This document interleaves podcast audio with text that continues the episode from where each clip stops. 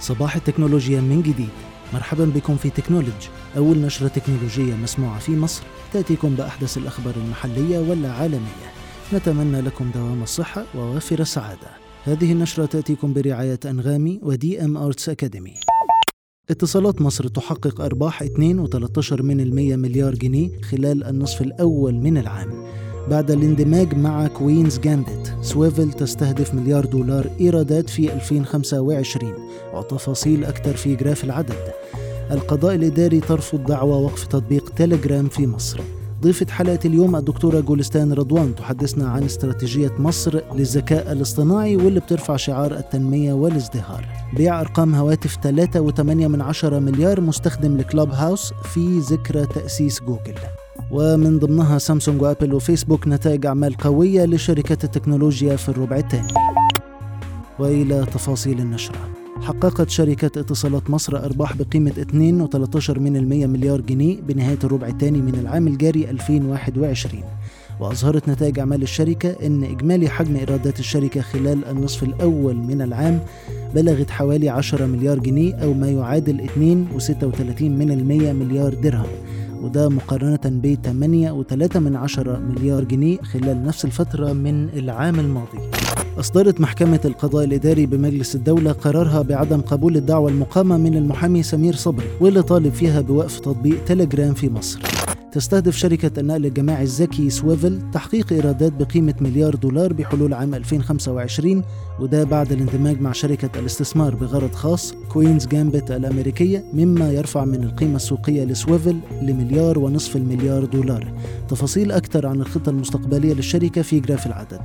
كشف أحمد أمين الرئيس التنفيذي والمؤسس لمنصة منزلي للتجارة الإلكترونية للأساس والإكسسوارات المنزلية عن توافر أكثر من 15 ألف منتج مختلف على المنصة مقسمة على ست فئات وسيتم إطلاق فئتين جديدتين خلال عام 2021 ضيف حلقة اليوم الدكتورة جولستان رضوان مستشار وزير الاتصالات وتكنولوجيا المعلومات لقطاع الذكاء الاصطناعي. في البداية ما هي الاستراتيجية العامة لمصر في الذكاء الاصطناعي؟ استراتيجية مصر الوطنية للذكاء الاصطناعي شعارها هو الذكاء الاصطناعي من أجل التنمية والازدهار.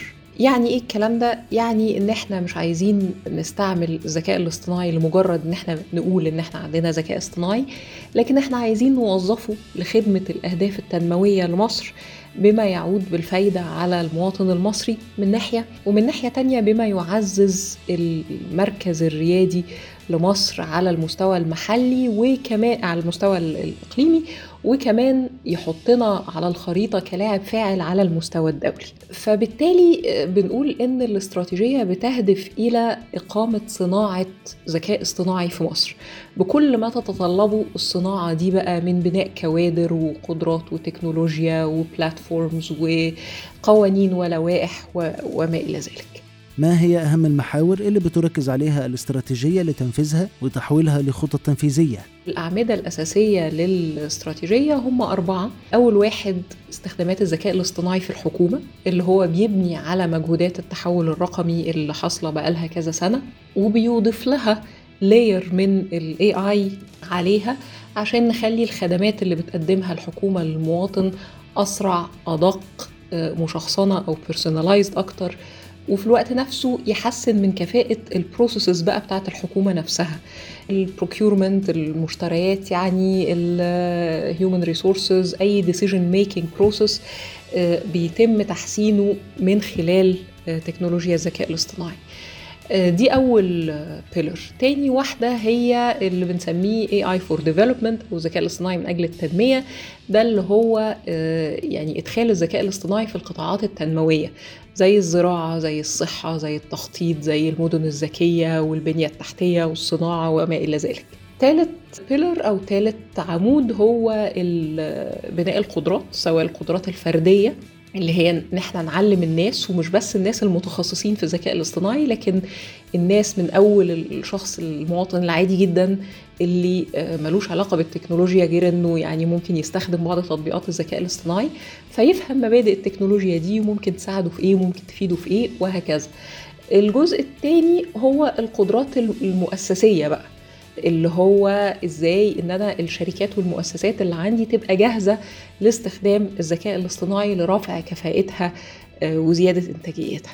ورابع بيلر هو النشاط الدولي بقى ومصر دلوقتي بتقود مجموعتي عمل واحدة على مستوى الاتحاد الأفريقي وواحدة على مستوى جامعة الدول العربية عشان نوحد الجهود مع أشقائنا الأفارقة والعرب للاستفادة المثلى عبر الدول دي من الذكاء الاصطناعي وتكوين موقف موحد نقدر نطلع بيه في المحافل الدولية ونعبر عن آرائنا وعن أولوياتنا.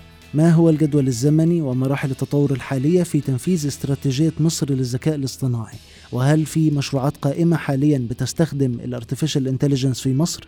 إحنا بننفذ الاستراتيجية بقالنا أكتر من سنة وموضوع المشروعات فال pillar الأولاني والتاني اللي هم القطاعات التنموية والحكومة بننفذه طبعا بالتعاون مع جهات الدولة المختلفة وبالتعاون مع شركاء شركات تكنولوجيا سواء في مصر أو بره وبنكون مع بعض فريق عمل هو اللي يقوم بتطوير ال projects دي في إطار ما يسمى بال center of excellence أو مركز التميز اللي هو بيضمن لنا إن إحنا يبقى عندنا reusability لل components اللي بنبنيها بحيث إن إحنا لو بنينا تكنولوجيا أو تطبيق لحاجة معينة نقدر بعد كده نعيد استخدامه أو نعيد استخدام مكوناته لبناء تطبيقات تانية بطريقة سريعة وسهلة وكمان نبقى ضامنين بقى ال security وضامنين ال robustness وضامنين يعني حاجات كتيرة جدا ت ensure ال sustainability بتاعة ال application دي في النهاية ما هي أهم البرامج التدريبية اللي بتوفرها الوزارة للتدريب على تكنولوجيا الذكاء الاصطناعي؟ بقى عندنا كم كبير جدا من ال programs من أول الخريجين الجداد لغاية ال leaders سواء في الحكومة أو في القطاع الخاص بنعمل لهم programs مخصصة لكل segment أو لكل مجموعة فيهم عشان تقدر تساعدهم إنهم يوظفوا الذكاء الاصطناعي لخدمة أهدافهم العملية. اللي بيربط الاثنين دول ببعض بقى هو الاتفاقية اللي مضيناها مع سنغافورة من حوالي أسبوعين.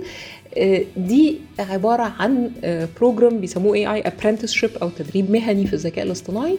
ده هياخد الناس بقى الولاد اللي طالعين من ال programs اللي هي سواء من الجامعات أو من كورسات التدريب اللي بنعملها. ويديهم خبرة عملية في المشروعات اللي بنعملها في الحكومة وفي القطاعات التنموية لمدة من تسعة أشهر لسنة يقدروا يتدربوا يقدروا يعرفوا إزاي أنفذ مشروع AI من الألف إلى الياء في production environment في professional team وبعد كده يبقوا فعلا زي ما بنقول عليهم جوب ماركت ريدي يبقوا فعلا جاهزين لسوق العمل والشركات تبقى يعني قادرة وراغبة في إنها تعينهم. نشكر الدكتورة جولستان رضوان مستشار وزير الاتصالات وتكنولوجيا المعلومات. ونستأنف بقية أخبار النشرة ينعقد مزاد بيع أرقام هواتف 3.8 من عشرة مليار مستخدم لتطبيق الدردشة الصوتية كلاب هاوس يوم 4 سبتمبر المقبل واللي بيصادف الذكرى ال 23 لتأسيس جوجل. وأعلن القراصنة عبر الدارك ويب أن أرقام الهواتف بتشمل أرقام الهواتف المحمولة والثابتة والخاصة وأرقام مهنيين وبتصنف جميعها وفقا لترتيب دولي لكل شخص ومنظمة. شهد الأسبوع الماضي إعلان مجموعة من كبرى شركات التكنولوجيا العالمية عن نتائج أعمالها خلال الربع الثاني من العام الجاري والبداية مع شركة فيسبوك واللي أعلنت عن تسجيل إيرادات بلغت 29 مليار دولار بزيادة 56% عن الفترة المقابلة من العام الماضي وتفوقت على متوسط توقعات المحللين اللي بلغت 27.8 مليار دولار. في حين حققت شركة سامسونج الكورية للإلكترونيات صافي أرباح بقيمة 9.63 من المية تريليون وون ما يعادل 8.3 مليار دولار أمريكي خلال الفترة من أبريل إلى يونيو. وعلى صعيد آخر حققت شركة أبل الأمريكية للإلكترونيات أداء أفضل من المتوقع على صعيد الأرباح في البورصة والإيرادات خلال الربع الثاني من العام الحالي 2021 مدعومة بالارتفاع الكبير في مبيعات هواتف آيفون بنسبة 50%. هذه النشرة تأتيكم برعاية أنغامي و DM Arts Academy لمزيد من الأخبار الحصرية محليا وعالميا. اطلعوا على نشرتنا وزوروا موقعنا technology.news دمتم بخير وأمان.